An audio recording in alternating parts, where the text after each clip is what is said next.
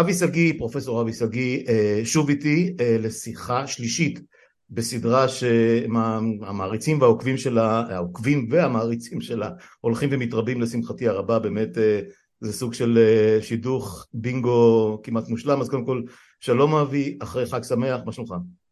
שלומנו ברמה האישית טוב, כבר דיברנו על זה שזו שאלה מאוד מסוכנת היום. כן, אבל אתה יודע, אני חייב, אני צריך להיות נימוסי. אה, אתה הצעת שנתחיל את השיחה שלנו באמירה של אחד שאנחנו נשתדל לדבר עליו פחות היום, שמו בישראל בנימין נתניהו, בארצות הברית בן ניתאי, אבל אה, זה רק הייתי חייב ככה בקטנה להכניס לו, על כך שהוא מודיע שהוא טיפל בסרבנות, או טיפל בסרבנים, והאוזניים שלך הזדקפו, אה, ואחרי שאתה תענה לי אני אגיד עוד איזה מילה ואחר כך ניגש לעניין עצמו. אז מה רצית להגיד לי על זה? כשראש ממשלה אומר שהוא טיפל בסרבנים, הוא הופך את הסרבנות למושג של טיפול, לאיזה נגע, לאיזה פגע שהשליט ברום עודו וכוחו מטפל בזה. מה שעולה מהניתוח הזה, וניכנס לזה בהמשך, שהאיש לא מבין את תופעת הסרבנות, שהוא איננו רואה את מקומה בתוך תרבות וחיים דמוקרטיים, כי האיש כבר מזמן לא נושא בתוכו את האתוסים הבסיסיים של הדמוקרטיה.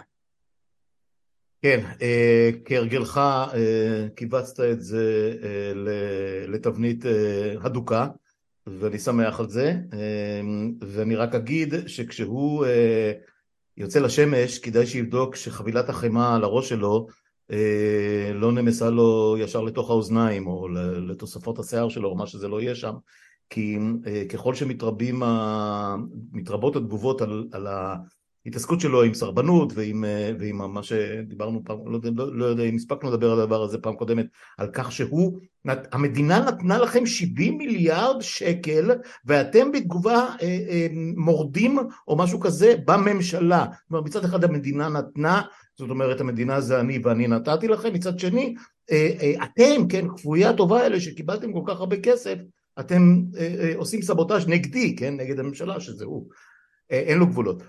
אז אני אומר גם זה וגם, וגם כשהתחילו, אתה יודע, היו תחקירים כבר ב-96 על כך שהוא לא שש לעשות מילואים, נכון, את השירות הצבאי שלו הוא עשה, יפה מאוד, היה סרן בסיירת מטכ"ל, nice, באמת, אין מילה, אבל באותו, כשהוא השתחרר מהסדיר, בעצם הסתיים פרק התרומה שלו לצבא, גם כשהוא כבר לא היה סטודנט בארצות הברית, ש... ו... ו... ו... וגם, וגם לפני שהוא נהפך לציר בוושינגטון, שנניח ששני הנסיבות האלה, אה, שתי הנסיבות האלה מקלות מבחינתו.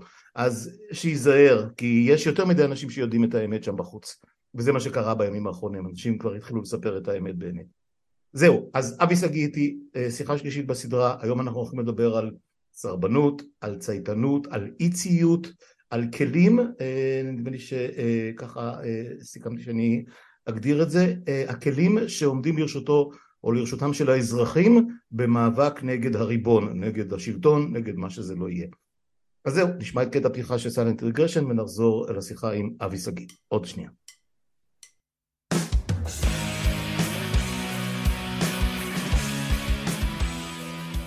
חזרנו, אבי שגיא איתי, אני שמח על כך, ואנחנו uh, סיכמנו בינינו לבין עצמנו שהשיחה השלישית בסדרה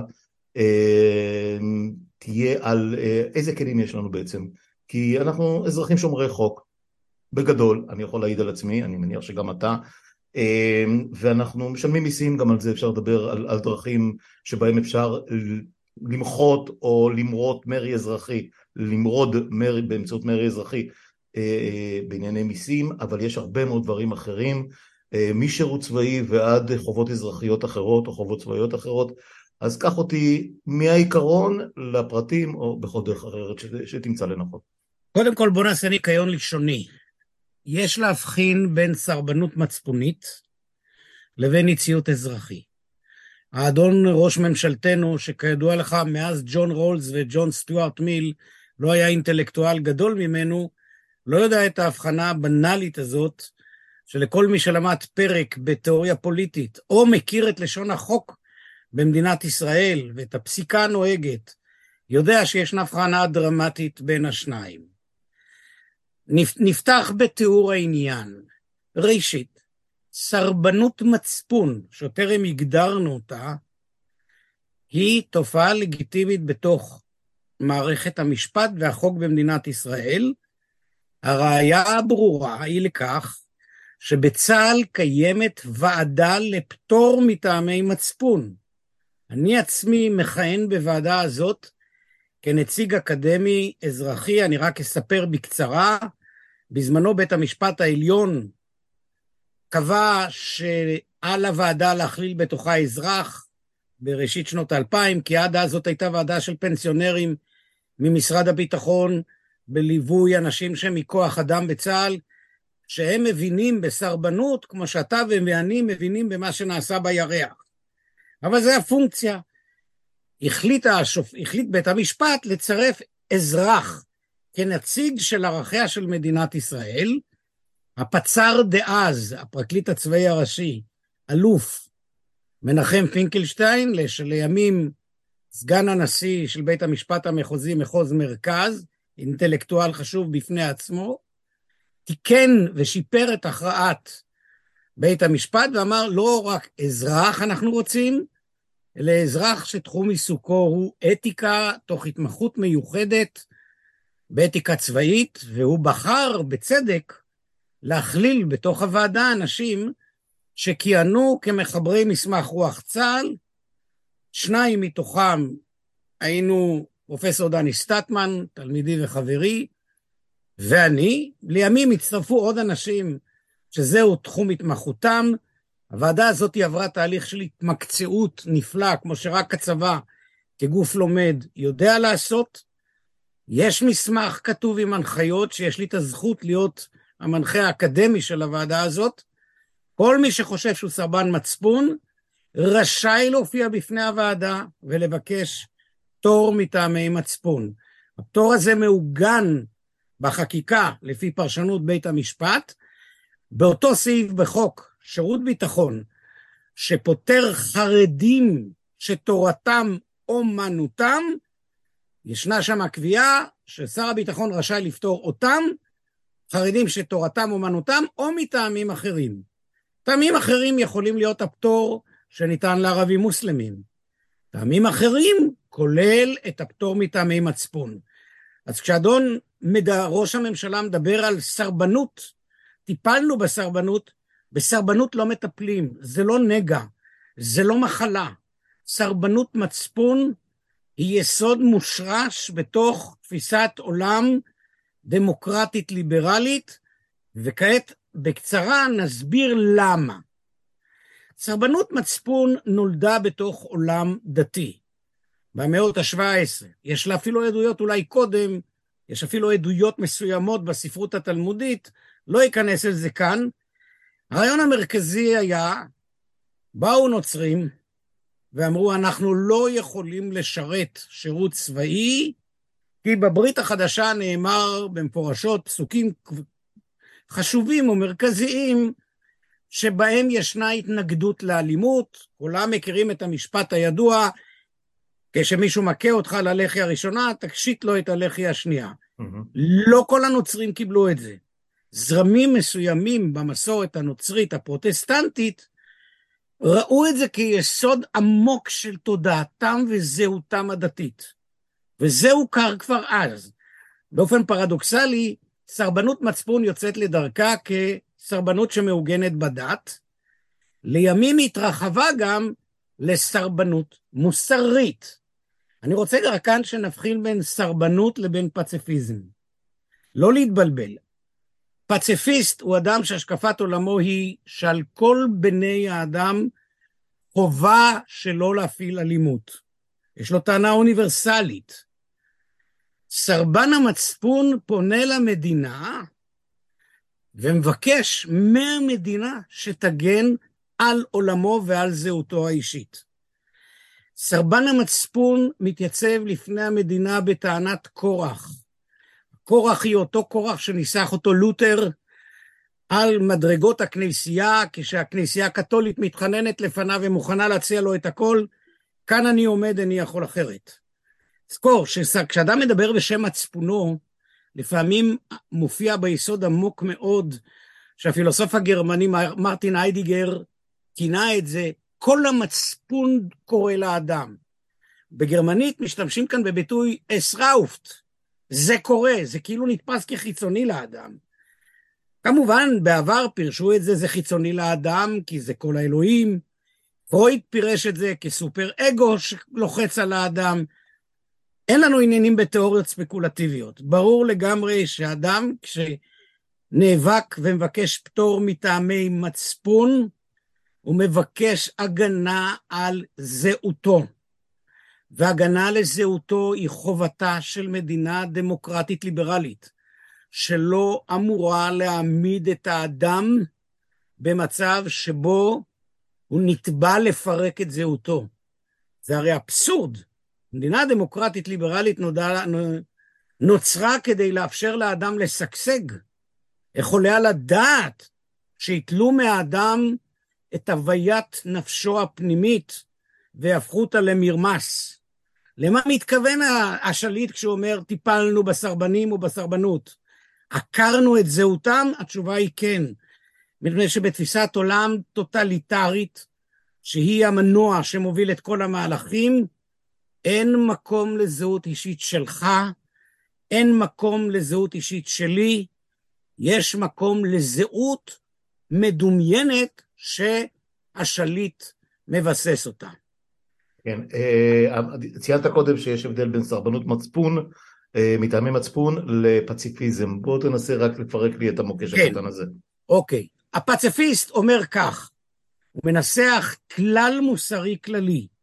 לאף אדם בעולם אסור להפעיל אלימות. הוא נאבק לא רק על עולמו הפנימי, אלא על מה שהוא נכון מבחינה מוסרית.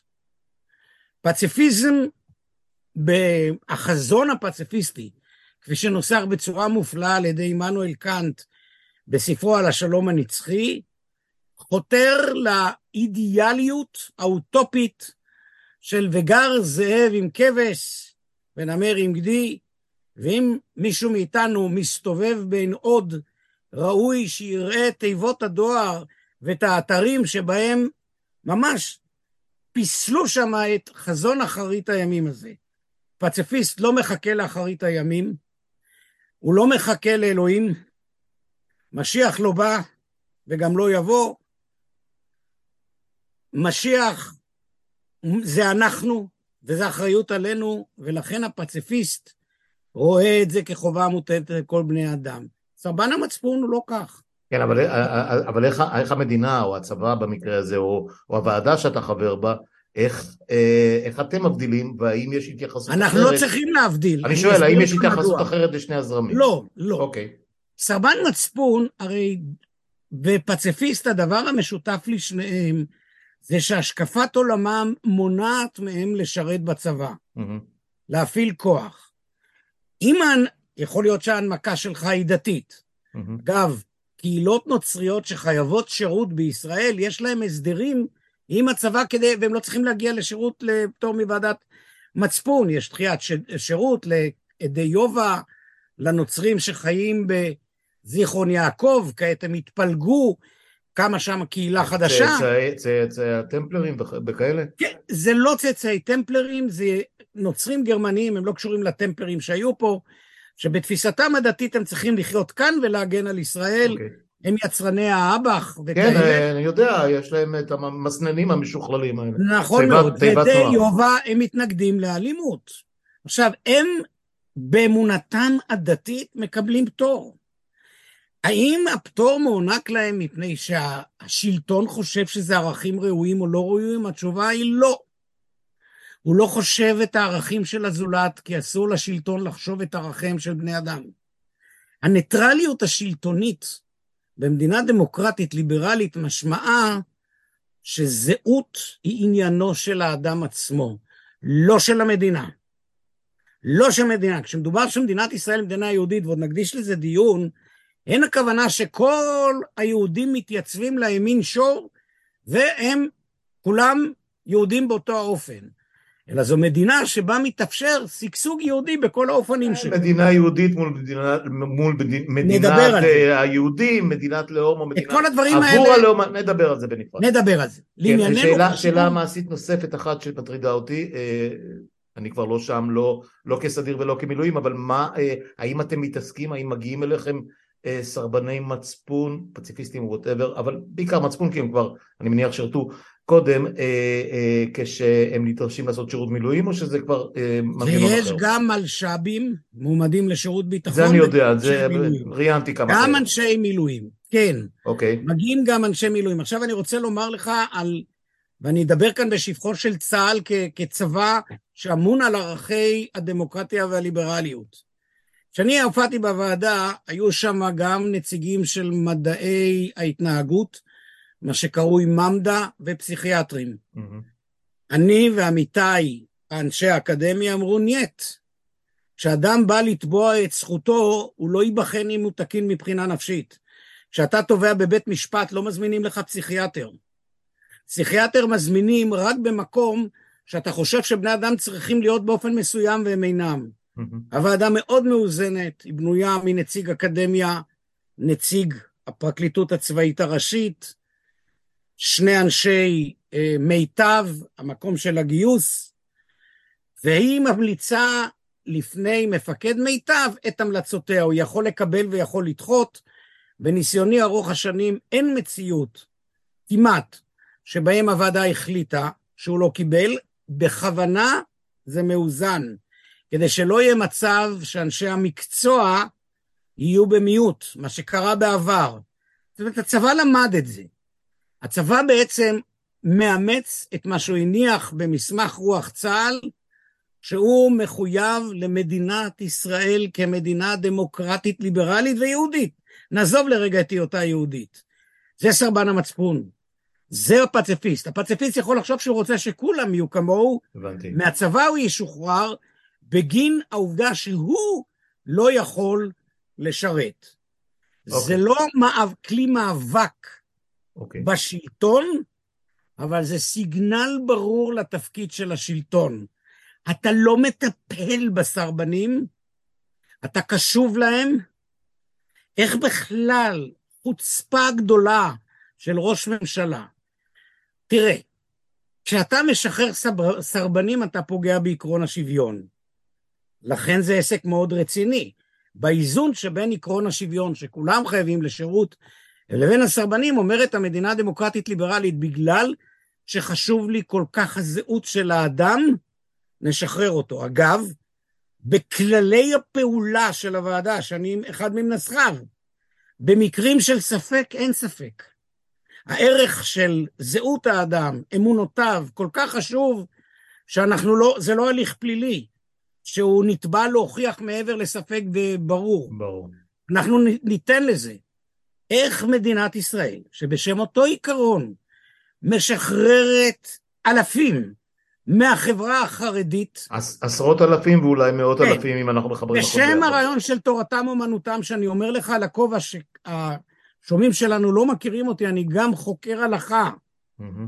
אני מוכר בעולם כפילוסוף יהודי שמשקיע המון בחקר הלכה, מייסד את, אחד ממייסדי הענף שנקרא פילוסופיה של ההלכה. ספרייתי היא ספרייה של תלמיד חכם. אני אומר לך שאין לזה על מה לסמוך מבחינה הלכתית. זה דמי לא יחרץ שנתן השלטון לחרדים. את המאבק הזה ננהל בהזדמנות אחרת. כן.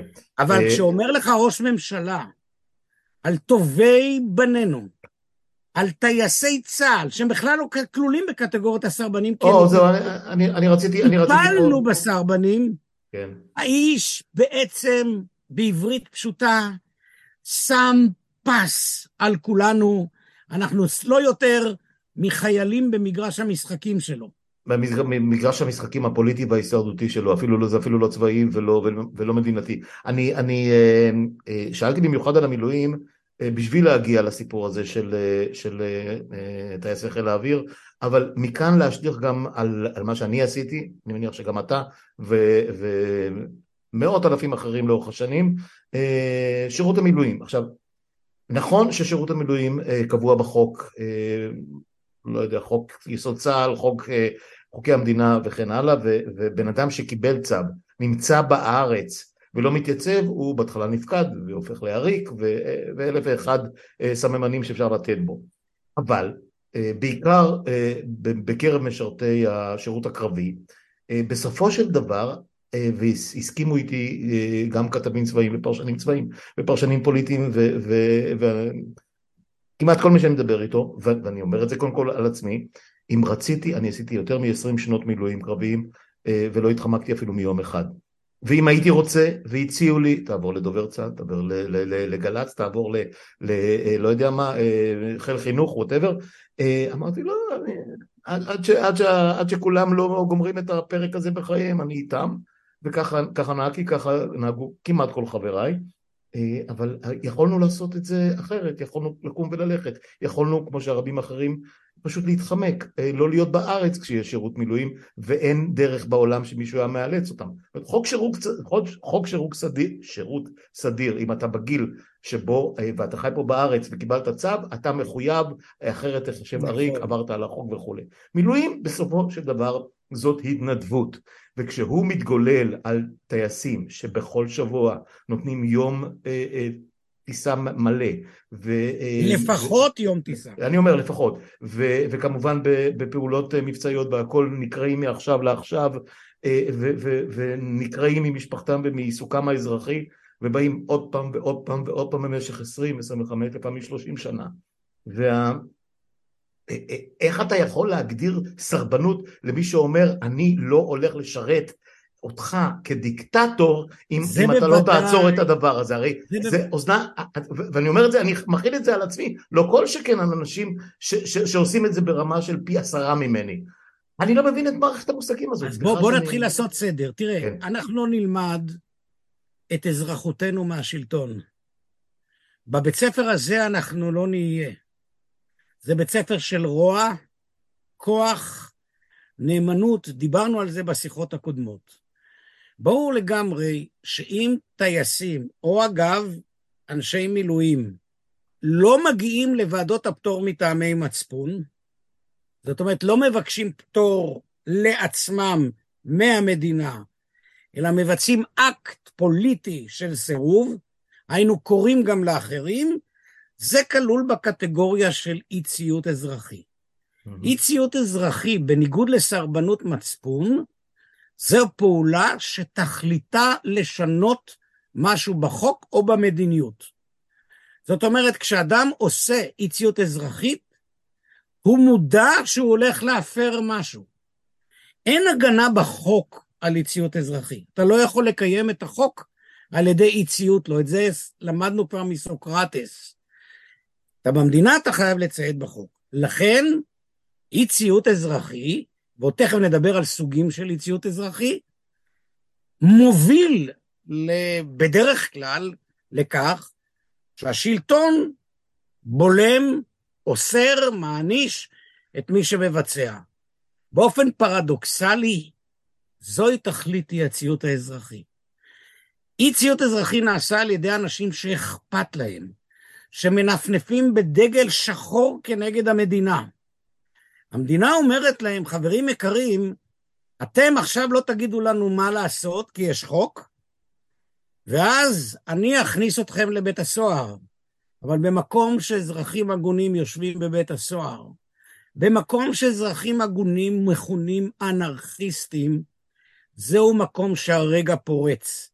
אתה יודע איך כינו התיאורטיקנים הפוליטיים של הנאציזם, והיו להם תיאורטיקנים פוליטיים, שדחפו בכל הכוח להפעלת עיקרון של הוראת שעה.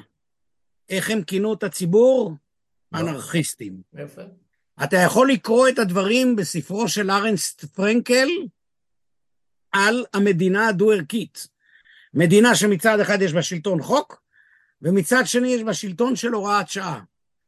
לקרוא לאנשים שעושים פעולה פוליטית, האנרכיסטים, זה לא רק אי הבנה של מושג האנרכיזם, אלא זה לבוז לאזרחים ההגונים.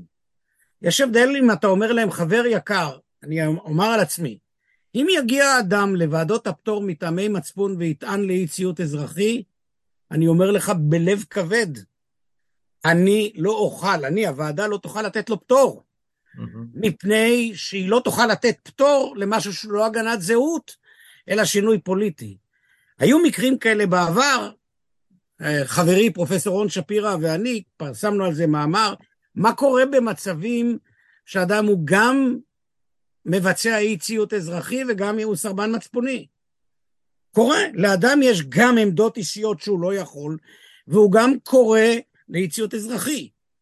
אני מודה, בעבר הוועדה סברה שיש, הוועדה, הכוונה בהנחיות שאני וחבריי הוצאנו, שהמשתנה של אי הציות הוא המשתנה הנחשב בגלל עקרון השוויון. זאת אומרת, אסור לתת פתחון פה לאי ציות אזרחי בגלל ערך השוויון.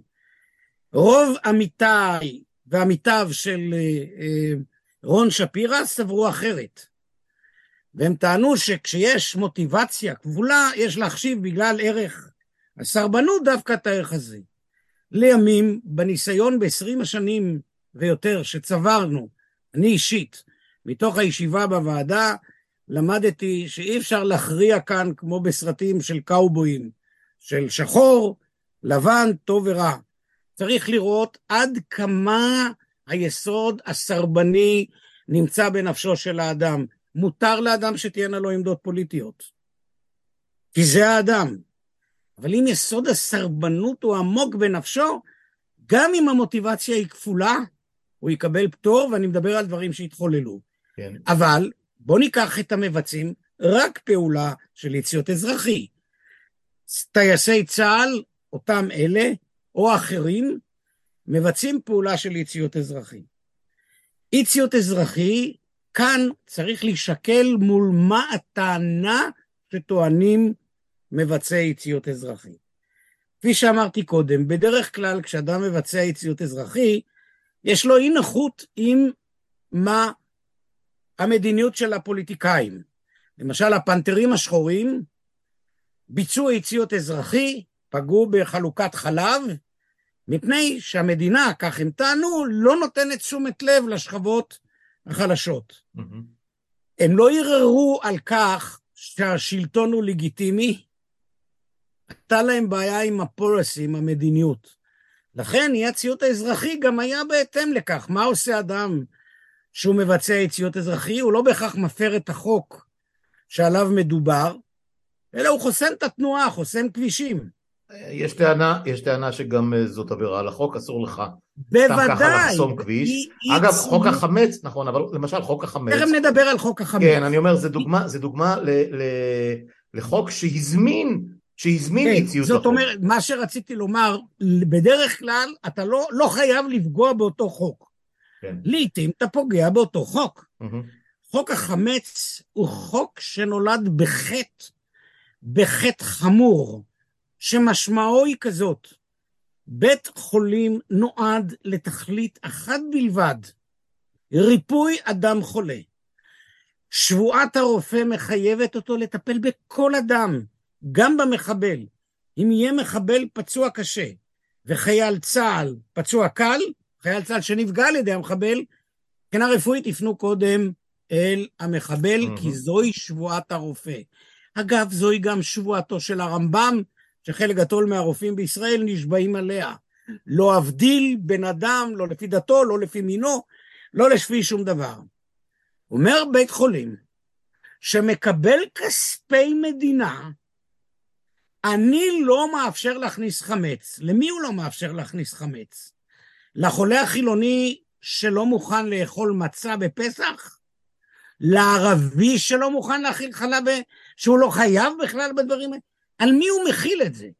באיזה סמכות הוא עושה? אני יכול להבין אדם שאומר, בבית הפרטי שלי, זה בדיוק העניין, זה בדיוק ההבדל בין, בין, בין חזקת הפרט או, או, או האזור הפרטי של כל אחד מאיתנו ציבורי, למרחב הציבורי, ודאי.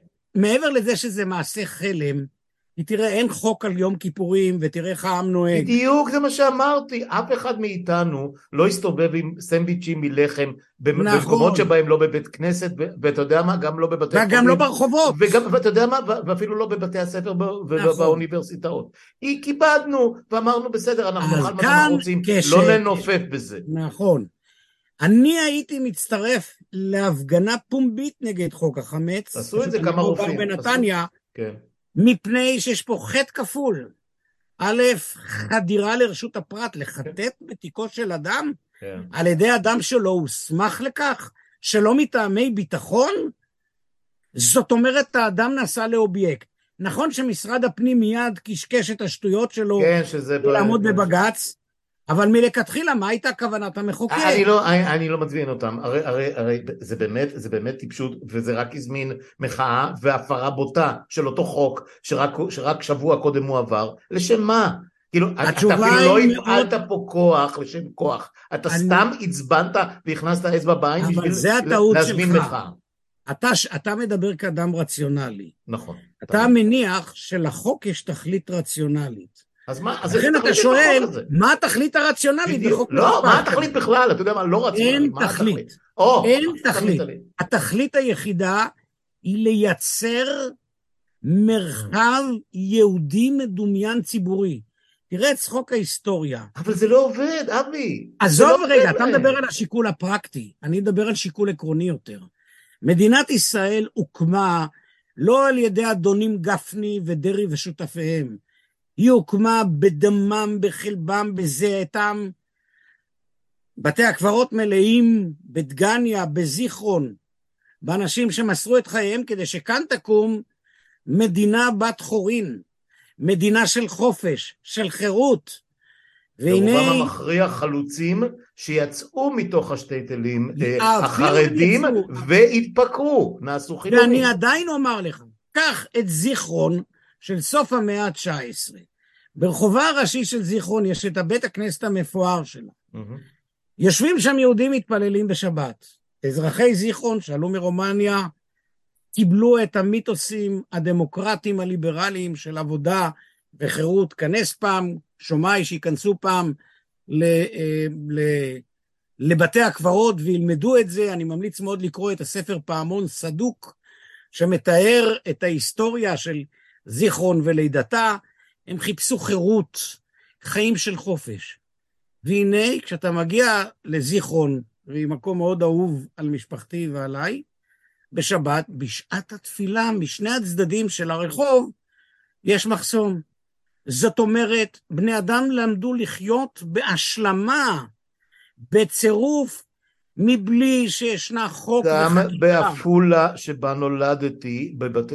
סביב שני, שניים שלושה בתי הכנסת נכון. שהיו כשאני עליתי לתורה בבר מצווה שלי, בכל שבת מיום שישי אחרי הצהריים ועד שבת בערב היו מחסומים, איש לא ניסה לפרוץ אותם, איש לא ערער על זה, זה לא הפריע לנו, כיבדנו את זה, הכל היה בסדר, ברגע זאת הייתה דמוקרטיה. להכניס לנו אצבעות לעין, הסיפור אבל- נראה אחרת.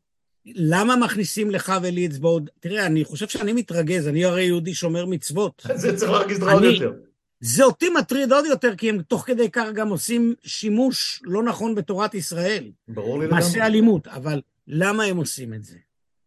הם עושים את זה כי הם לא מכבדים את יסוד היסודות של תפיסת עולם דמוקרטית ליברלית, של פלורליזם, של אי התערבות בחיי האדם, של איזונים, כי יש להם דמות אידיאלית מדומיינת שאותה צריך לממש, ואז האי ציות אזרחי במקרה הזה, אתה לא, תראה, כשהפנתרים הפגינו נגד מדיניות, איך מפגינים נגד מדיניות? עושים משהו, מפרים משהו. כשפה מבצעים אי ציות אזרחי ופוגעים ומכניסים חמץ מול, בפסח, מול בית החולים, פוגעים בחוק הזה עצמו שנועד לתכלית אחרת. זאת אומרת, אי ציות אזרחי, אבל שני המצבים הם מצבים של אי ציות אזרחית כנגד מדיניות וחוק. כן. כשאתה מגיע אל הטייסים ואל אנשי מילואים, ולהערכתי אל אנשי סדיר, זה לא חוכמה, מחזור הגיוס של אוגוסט. בואו נחיה ונראה את הילדים, את ילדינו, של אלה שמבינינו שמתגייסים, לא של החרדים, ברור. שמתגייסים ושהם עברו בבתים ונכחו בהפגנות. אני פוגש אותם בהפגנות, גם אני מפגין, גם אני נושא דברים בהפגנות. הם למדו את הדבר הזה על בוריו. המחאה של אי הציות האזרחי במקרה שלפנינו זה לא הפגנה כנגד מדיניות וכנגד חוק. זה הפגנה עמוקה יותר כנגד שלטון ששבר את החוזה בין האזרחים לבין המדינה. אה, בלי, בלי להיות, בלי להיות אה, אה, ב, ב, בעל הידע והמעמד שלך באקדמיה, הסיום המאמר, מאמר בהמשכים, ואחר כך גם הפכתי לו מאמר ממש, של, שהתייחס לאותם 70 מיליארד נתתי לכם ואתם מסרבים לי וכולי וכולי וכולי, הפסקה האחרונה שלי הייתה נתניהו שבר את החוזה בינו, בינינו לבין השלטון, בינינו אתה ואני ומשפחותינו לבין השלטון ובמקרה הזה של משרתי המילואים ושל משרתי הקבע ומשרתי הסדיר וכן הלאה והלאה.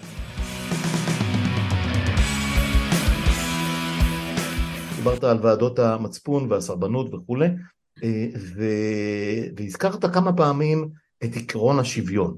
עכשיו נכון. ברור לי לגמרי, ברור לי לגמרי שבשביל שמדינה תקיים את עצמה, אם, אם היא זקוקה לצבא, לצבא עם, לצבא שיש בו אה, אה, אה, חוק מנדטורי, שכל בן, כל מי שמגיע לגיל מסוים צריך להתגייס, כי, כי זה חוק המדינה וככה, וככה היא מקיימת עצמה, אני עדיין לא מבין אה, למה אם אני כס, כסרבן מצפון או, כפציפית, או מה שזה לא יהיה, אה, מישהו שעקרון השוויון חשוב לו, למה אני לא יכול לבוא לוועדה שלך, אם הייתי עכשיו מלש"ב או חייל שכבר משרת, או קצין, או מה שזה לא יהיה, ו- ולהגיד לו, אדוני היקר, מה שהצבא עושה, או מה שהמדינה עושה, זה פגיעה חמורה ב- ב- בשוויון, בכך שהיא פותרת משירות, באופן, באופן מובהק. כך וכך עשרות אלפי חרדים בשנה. קודם כל, אתה מתפרץ לדלת פתוחה. שנייה, לא, אני רק אשלים את זה. אה, דבר שני, הבנות, כל אחת יכולה להגיד, אני דתייה, ללכת הביתה. נכון, נכון. דבר שלישי, דבר שלישי, אה, כמו שאמרת, אוכלוסיות אמ, תשמע, אני חושב שאם נניח אה, אה, ערביי הארץ אה, מלכתחילה, מ-1948, כל מי שהיה אזרח היה צריך לשרת או שירות לאומי או כל שירות שהוא לטובת החברה, חלק גדול מהבעיות שלנו היו נפתרות כי, כי גם השוויון היה הולך בהתאם, הרי לא היה צריך ללכת ולתת פררוגטיבות או, או יתרונות ליוצאי צבא, או, כל, כל, כל האי שוויון הזה היה אה, אה, אה, אולי אה, טיפה נמנע או קטן אה, איך אתם מתייחסים לטענות מהסוג הזה? קודם כל, זה לא איך אתם, אתה מדבר איתי. לא, לא, הוועדה, לא, לא, בסדר, אוקיי, אתה, בסדר. לוועדה. אני לא יכול לקבוע מהם הערכים היסודיים של האדם. אם האדם ערך השוויון, הוא לא יכול לשרת צבא שערך השוויון בו הוא כל כך גדול, אין, זו טענה. אני רק אגיד לך מה ההבדל בין אדם שבא בטעמים מוסריים או טעמים דתיים. טעמים מוסריים וטעמים דתיים הם טעמים לאי שירות בצבא. Mm-hmm. זה ספציפית לצבא. עקרון השוויון או אי השוויון זה טעמים לסירוב מיסים, טעמים לסירוב uh, לציית לחוקים, זה לא אופייני רק לוועדה. זה לא בא לדחות את העובדה שיש אופציה לאדם כזה להגיע, אבל תזכור, הסמכות של צה"ל היא לטפל באנשים שיש להם מניעה לשרת בצבא ולשרת באלימות. אתה מצביע על בעיה אחרת לגמרי. אני אתן את הטיעון שלך למצב העניינים הבא. מדינת ישראל מחר בבוקר היא דיקטטורה, בעיניי היא כבר בדרך לשם, דיברנו על זה לא אחת. Mm-hmm. בא אדם ואומר לוועדת הפטור מטעמי מצפון, אני אינני מוכן להרוג בשל דיקטטורה. כי לדיקטטורה לא יכולה ולא מוסמכת לצוות אזרח להרוג. האם זה ייפול בתוך המנדט של ועדת הפטור? לטעמי כן. האם האדם בהכרח יקבל פטור? אני לא בטוח, ואני אסביר מדוע. אין לי עמדה נחרצת כאן, למרות שאני נראה לך כפילוסוף יודע הכל, הפילוסוף יודע, כפי שסוקרטס אמר, גם מה שהוא לא יודע. בסופו של דבר. השאלה אם אתה מוכן לשרת תחת דיקטטורה או לא תחת דיקטטורה, היא לא השאלה היחידה כאן, כי השאלה היא איזה צבא אתה משרת. בוא נתאר את המצב הבא. צה"ל אומר, אני, קרוא, אני מקבל כל הוראה מהשלטון, מה שהשלטון אומר אני מבצע, זאת אומרת, הוא חלק מהדיקטטורה, אומר אדם, מצפוני מונע ממני לשרת בדיקטטורה. אגב, ברור שהוא אמור לקבל פטור, אבל אם זה דיקטטורה, אז גם את ועדות הפטור יזרקו לפח, אולי גם יושיבו אותנו בבית סוהר. אבל בואו ניקח את הסצנריו היותר ריאלי שמה שמתקיים היום.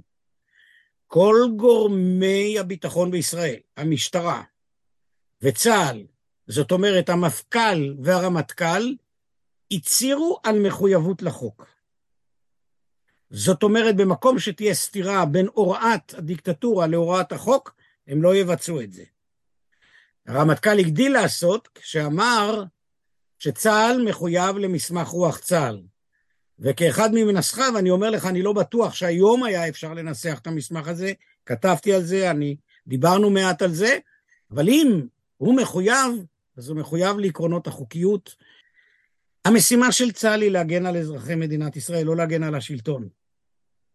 ברור לגמרי שיהיה המצב אשר יהיה, יהיו פה אזרחים, אתה ואני לפחות לא מתכוון לארוז את הפקלח שלי וללכת. ברור לגמרי שמישהו צריך להגן על האזרחים. לכן ברור שאדם שכל טענתו היא שזוהי דיקטטורה, זו טענה תקפה אם ורק אם באמת הצבא כשלעצמו יהיה כפוף לדיקטטורה.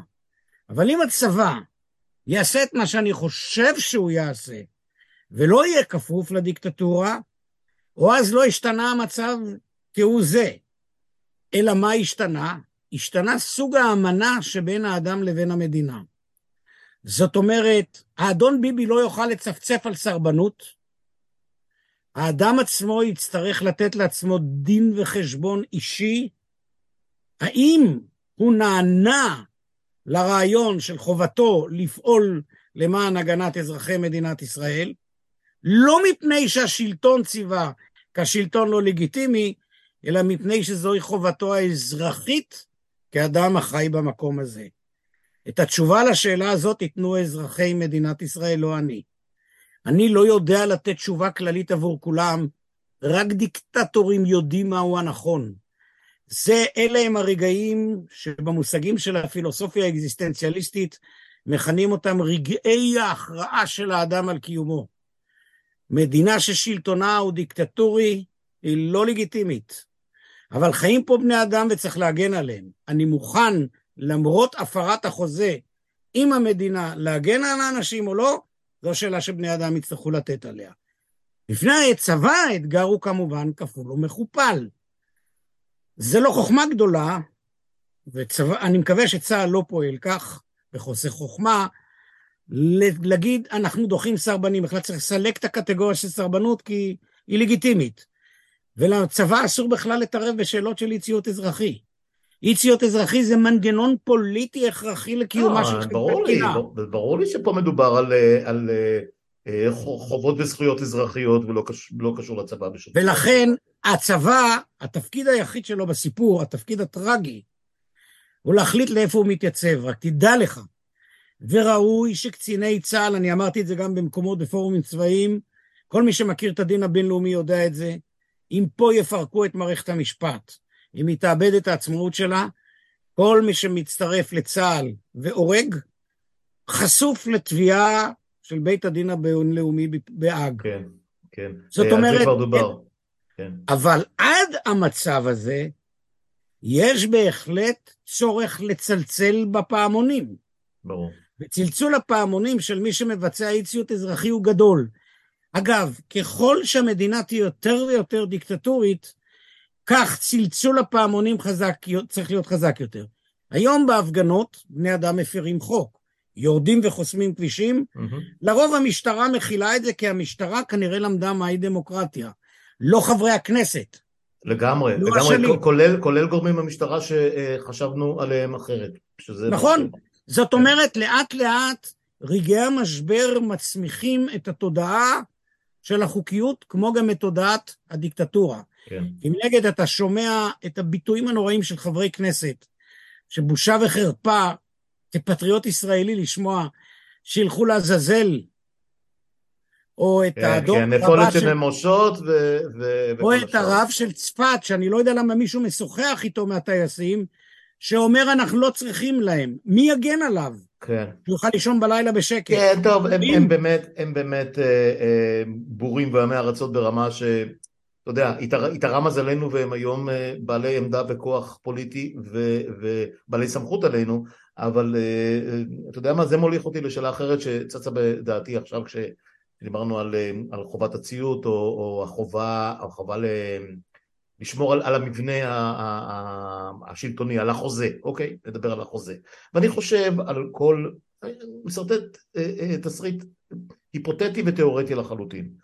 ראש ממשלה, שר ביטחון, שר ביטחון לאומי, ווטאבר, נבחר בשביל לשים את הדגש על הדבר הזה, לא כשיר. אני קובע, לא אומר מי, לא אומר מה, לא אומר באיזה נסיבות. לא כשיר, לא כשיר נפשית, לא כשיר גופנית. אה, אנחנו זוכרים את הימים של הימים, החודשים האחרונים, חצי השנה האחרונה של שלטונו של מנחם בגין. אה, בפניו, אה, גם פואד, גם עזר ויצמן ואחרים, הם קראו לו המנוח, הם קראו לו המנוח בפניו כמעט. זאת אומרת, הבן אדם נרדם, עזה, לא היה בעל יכולת החלטה כלשהי, ובכל זאת הוא היה עם פאוור. הוא ישב שם בישיבות הממשלה כראש הממשלה, עד שבאיזשהו שלב אמר איני יכול. עכשיו, אנחנו מדברים על אנשים מסוג אחר וכולי, אבל יש כאלה שרואים אותם.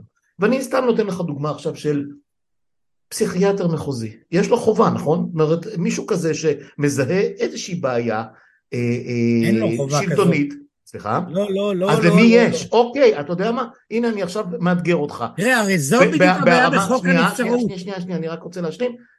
היה לי איזה משהו שאולי לא קיבלתי אותו בצורה הכי מדויקת, אה, ואתה יודע מה, זה, זה מזכיר לי את, ה, את הסרטים והסיפורים הפנטסטיים על, על אה, אה, שלהי שלטונו של סטלין ומותו של סטלין, ש, שאיש לא העז להגיד בפניו, בטח לא, אבל גם לא בפניו, כי כולם מלשנים ובריה וכל הסיפורים, מתי ובאיזה דרך אנחנו יכולים להגן על עצמנו מפני מישהו שיצא מדעתו ויכול לגרור אותנו לתהום, מה עושים במקרה כזה? אוקיי, אתה מצאת את מקום תורפתה וכוחה בעת ובעונה אחת העמוק של הדמוקרטיה האמפירית.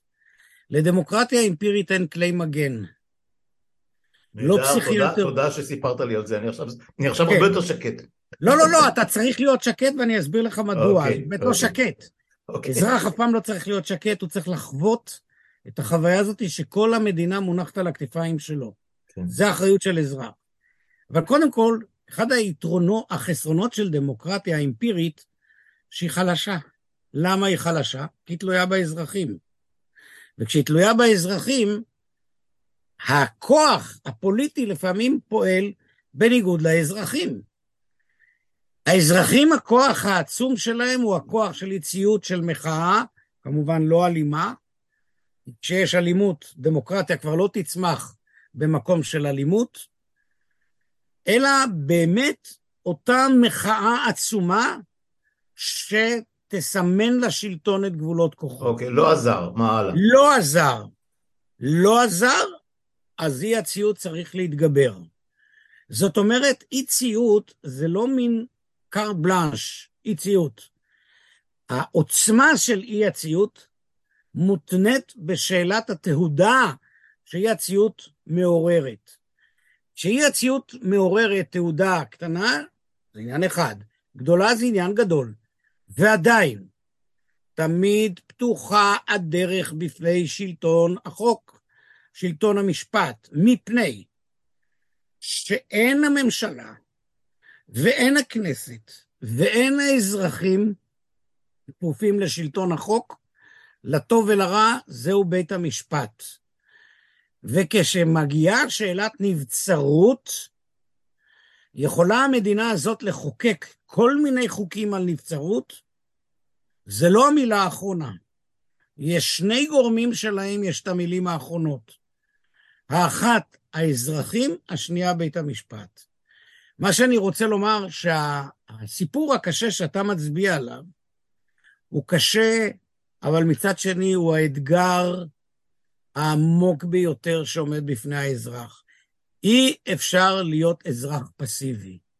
אזרח פסיבי זה אזרח שמוותר על, חם, על חירותו. במקום שהאזרח הוא פסיבי, שם יפגעו בו. שם יתלו אותו ברחובה של עיר. שם יבזו אותו. במקום שהאזרח אקטיבי, השלטון יידחק ממנו. כי קח בחשבון, במדינה דמוקרטית, למדינה, לאזרחים אין כוח, אבל גם למדינה ולשלטון איזה, אין כוח. איזה כוח תפעיל, יפעיל השלטון כנגד האזרחים? את הצבא הוא לא יכול להפעיל. את המשטרה הוא גם לא יכול להפעיל. הנה לך דוגמה מליסבון, מאותה מהפכה דמוקרטית בליסבון.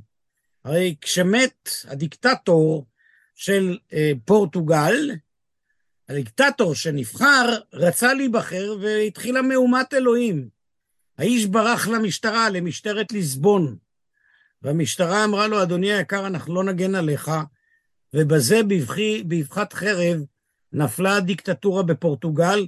עד היום כשאתה עולה במעלה ההר בליסבון, שהיה שם הפסל של הדיקטטור, עם הפורטוגליה הוא עם חכם, אגיד, יש לי זיקה אישית, אשתי מברזיל, אז פורטוגזית זה שפה אהובה עלינו. איזה שפה יפה. כן. כשאנחנו לא מגיעים לברזיל, אז פורטוגל זה המקום השני.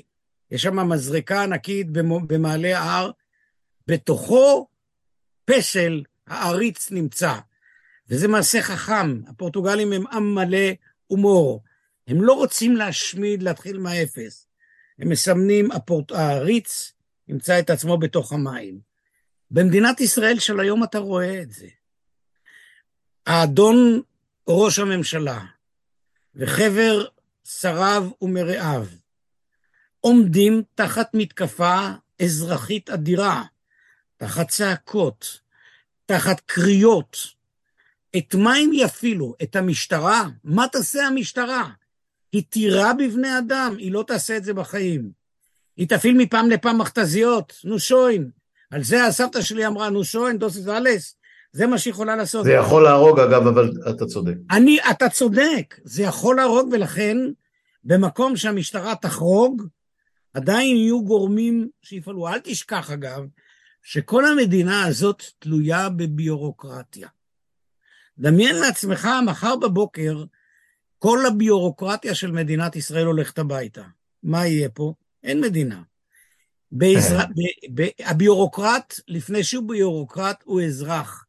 כמוך וכמוני, הפרקליט, הפקיד או הפקידה במשרד הפנים, משרד הבריאות, הרופאים, הכבאים, הסנדלרים, כולם הם אזרחים. כולם חברים באותן מערכות ערכים. יהיה עימות קשה בין חובבי ואוהבי הדמוקרטיה הליברלית לבין האדון סמוטריץ' וחבר מרעיו, ועל זה גם נקיים שיחה, שעבורם המילה דמוקרטיה היא מילת גנאי. כן. אבל מזה לא ניבהל.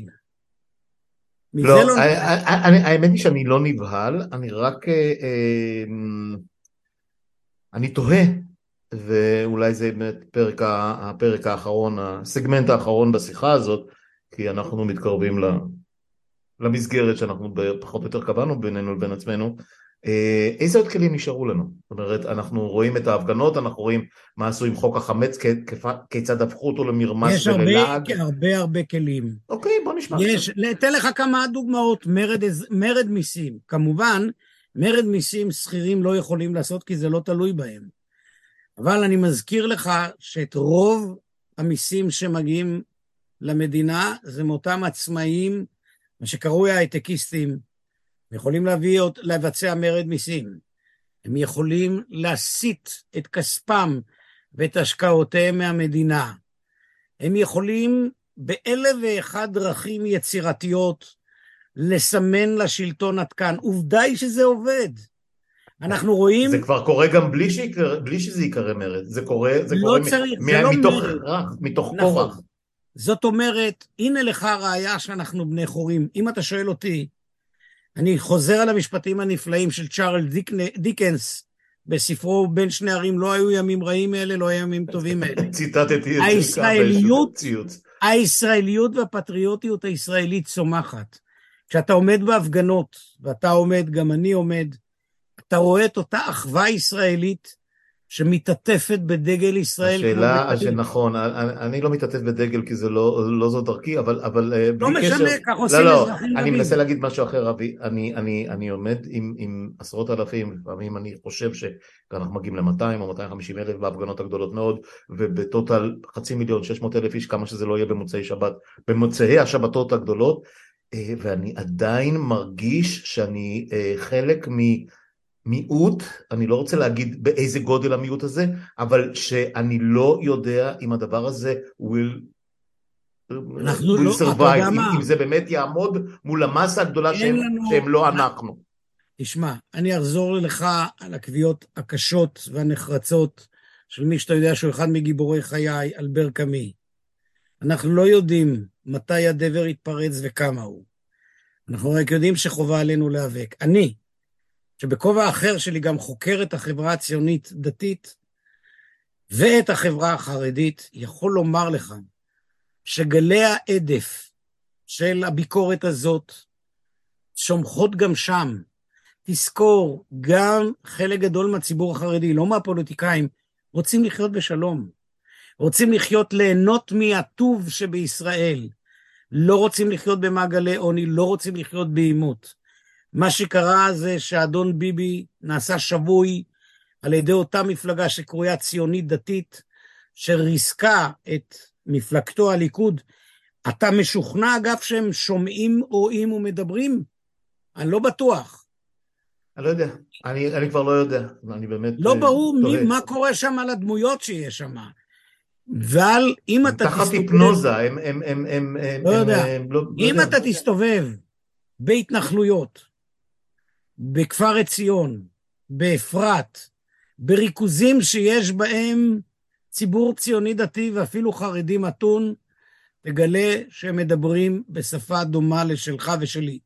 הם לא מתוחכמים ונותנים תיאוריות על דמוקרטיה, זה הלגיטימציה של אינטלקטואל מהסוג שלי, שהוא קצת מרוחק לכאורה, אבל תראה שהם בסופו של דבר רוצים להיות חלק מהחברה הישראלית הריאלית. מי שלא רוצה להיות חלק מהחברה הזאת, זה הגרעינים שמאמינים שעם ישראל זה לא אתה ואני, שהאומה הישראלית לא כוללת את הערבים ולא כוללת את ההומוסקסואלים ואת הלסביות, שהם הם תמצית האומה, ושאין להם שום בעיה להחריב, למחוק, לסלף, לעוות, הם לא רוב בניינו ובניינו ובניינו של הבעיה שלך, של אנשים כמוך, בניגוד לי, שאתה לא מסתובב בהתנחלויות. נכון, אני מודה בזה. אני גם לא מרבה לגשת לשם. עשיתי את זה כשהייתי במדים, אני חייב לציין. לא, לא, לא, אני אבל מעבר לזה לא.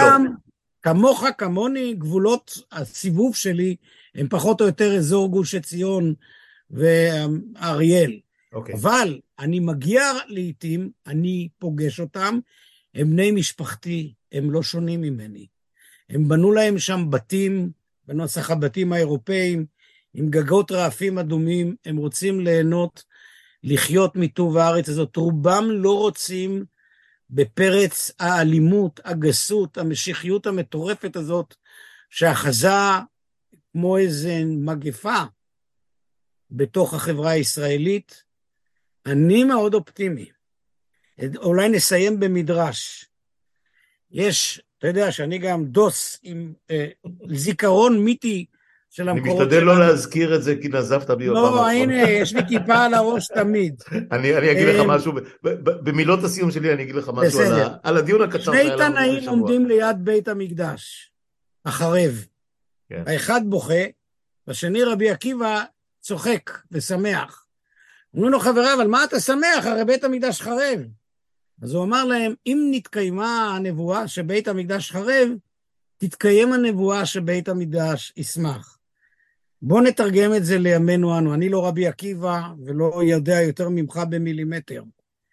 אבל מה שאני רואה זה צמיחתה של החברה הישראלית, את ברית הישראליות החדשה, שהיא מורכבת לא מדתיים וחילוניים ולא מחרדים וערבים, אלא מורכבת מישראלים שרוצים לחיות במקום הזה בשקט, בשלווה ובהבטחת זכויותיהם. זה לא יתממש עד שלא יפתרו את הבעיה הפלסטינאית. אני לא אהבתי גם את הממשלה הקודמת שדיברה על ניהול הסכסוך עם הפלסטינאים. צמצום, צמצום החיכוך. ניהול כן, וצמצום, כן, הבעיה היא שאתה כן. לא יכול להיות מנהל מיכה, של... מיכה, דוקטור מיכה גודמן. כן, כן החכם הגדול כן, הזה, כן, אמרתי כן. לו... המתנח, המתנחל המתוחכם. זה שהוא מתנחל פחות מעט, כן, אני מכיר אותו ממקומותיי, אמרתי לו, אדון גודמן היקר, אתה לא יכול לנהל את הערבי. גם בבית שלך אתה לא מנהל את עצמך, אבל אני אומר, אני רואה את הניצנים העמוקים של ברית הישראליות החדשה, היא הולכת ללהיטה, צומחת לאיטה, אתה רואה אותה. כשאנשים עומדים בהפגנות לא מעניין איש אם אתה דתי, חילוני או מה שלא תהיה, חוץ מהדוקטרינרים של הימין והדוקטרינרים של השמאל הרדיקלי. אה, ויש לכר בשורות טובות, ולכן צריך להתמיד בפעילות של אי ציות אזרחי. צריך להתמיד במחאה, המחאה היא לא בהכרח אי ציות אזרחי. אני מסכים. יש גם צורך באי ציות אזרחי, כשהשיב צריך להיות עם יד על השיבר. ככל שהממשלה מתגברת עם מהלכי הדיקטטורים, כך צריך להגביר, ואסור להירדם. כן. כי מהניסיון לרגע... של פולין למדנו, כך פולין נכון, הפכה ל... נכון, אסור להירגע, נכון, נכון. אם נרגעו האזרחים, לא הייתה להם מסורת אזרחית, הם פתאום מוצאים את עצמם במשטר לא דמוקרטי. אני חושב שלמדנו, אני חושב שלפחות אה, אה, ראשי המאבק, אה, האנשים ש, ש, שפעילים מאוד, ואני מדבר עם רבים מהם, שיחה שעלתה היום עם גלעד שר, עוסקת בדיוק בקבוצות האלה, באופן, באופן מדהים, לקחו את כל, ה, את כל הלקחים, one by one, של הדיקטטורות הטריות יחסית, פולין, הונגריה, טורקיה. כן, רק יש דבר אחד שהם לא לקחו, טובי. ואתה יודע מה הדבר שהם לא לקחו? רוב העומדים בראש החץ שמנהל את המאבק ההירואי הזה אינם סוציולוגים, אינם פסיכולוגים, נכון. אינם מכירים את התרבות ואת החברה שהיא לא חברתם. היה לי שיחה עם פסיכולוג חשוב, שלא אזכיר את שמו, mm-hmm. שהתמחה בביו, בביוגרפיה של משפחת נתניהו, וכבר אמרתי הרבה מדי עליו. הוא שאל אותי, תגיד לי, איך אתה מסביר את זה? שאיש לא נועץ בנו הפסיכולוגים. ואני אמרתי לו, עד שאתה שואל אותם, איך זה שאיש לא נועץ בנו, האנתרופולוגים, באנשים כמונו שמכירים את החברה החרדית על בוריה, את החברה הציונית דתית על אז בוריה. אז יש לי הצעה בשבילך, אני לוקח את מה שאמרת עכשיו ומעביר אותו לאנשים, לא, לא כאבי שגיא, אלא כ, כ, כלקח אה, אה, ו, ורעיון איפה, איפה באמת לנסות לאפיין את הקהלים האחרים, ואני אאתגר אותם, נראה אם הם זה. הלוואי כי, הד... כי הישראליות החדשה תיבנה לא על ידי בידול, אלא על ידי הכלה אז, אה, אז תשמע, אז תשמע, כמו, כמו כמעט בכל השיחות שלי, אה, אה, האורחים שלי קצת יותר או הרבה יותר אופטימיים ממני, ואני אגיד לך משהו על הדבר הזה, ולא, אני מציע שלא לא, לא, לא נפתח את זה לדיון שרק יתחיל עכשיו. התחושה שלי שיש פה קרע ושבר לא יודע אם זה מול המתנחלים דווקא או מול החרדים דווקא, פחות מטריד, באמת המתנחלים לא כל כך רבים והחרדים יישארו חרדים ואני ידע, ידעתי להסתדר איתם ואני ידע להסתדר איתם. יש פה מסה אדירה של אנשים שרוצים ברעתי במפגיע. חלק גדול מהתהליכים הפוליטיים שקורים כרגע זה נקמה בי, בך, ביישוב הישן, ב... ב, ב לא נדבר על זה. נדבר על זה, נדבר על זה. אתה טועה בגדול. אני ככה מרגיש. לך, אתה יודע, עגל אמר, בלילה כל הפרות שחורות. אתה, אתה מדמיין לך אני מדמיין, אבל אני, אני, בני אדם לא ריאליים. אגב, חלק מהם מדמיינים אותך ואותי. אני יודע, אני יודע, אני יודע. אגב, הם, הם, הם מפגינים כלפי שנאה לא בתיעוב, שנאה בתיעוב בלי להכיר אותי בכלל. אה, אה, ובלי לדעת בכלל מי אני. אז אתה משיב להם באותו מטבע. אני ככה מרגיש. אני, אני, I can אני לא מתווכח עם הרגשות. כן, כן. אינני יודע לטפל בהם. אה, בסדר גמור, בסדר גמור. אנחנו, אנחנו... אני מציע שצריך לחשוב ולטפל בזה בשיקול דעת, כמו שניטשה כותב, להיות מפוקח כמו בנקאי בבנק, כמו בנקאי, והוא התכוון לבנקאים אמיתיים, לא כאלה שמוכרים לנו לוקשים. אתה זוכר הרי יותר טוב ממני שהבנקאים היו הטרגט הכמעט מיידי והראשון, כמעט בכל המחאות האזרחיות הגדולות נכון. שהיו לאורך כל ההיסטוריה. אמ, אז עד כאן הפרק הזה באותה אוניברסיטה משודרת בג'ינס, הנה לבשתי על חולצת ג'ינס, באמת, באמת בקטנה. אני חושב שלמדנו לא מעט היום על, על סרבנות, מה זה, ופציפיזם מה זה, ו, ומצפון מה זה, וגם קצת על זהויות ועל, ועל אי ציות אזרחי, שכל הדברים האלה ביחד כנראה יובילו אותנו גם לשיחות הבאות וגם להמשך החיים שלנו פה, כי המאבק הזה הולך להיות די ארוך, יש לי תחושה. אה, אז ניפרד בשלב הזה, תודה, תודה על השיחה הזאת. תודה לך טובי, כיף היה לי לשוחח איתך. גם לי, ממש, תענוג, וככל ש... ככל שאני עוקב אחרי התגובות והמספרים, אה, עלינו על משהו פה, וזה לא, לא מעט, זה לא מובן מאליו בכלל. תודה אבי. אוקיי, תודה. להתראות. ביי ביי.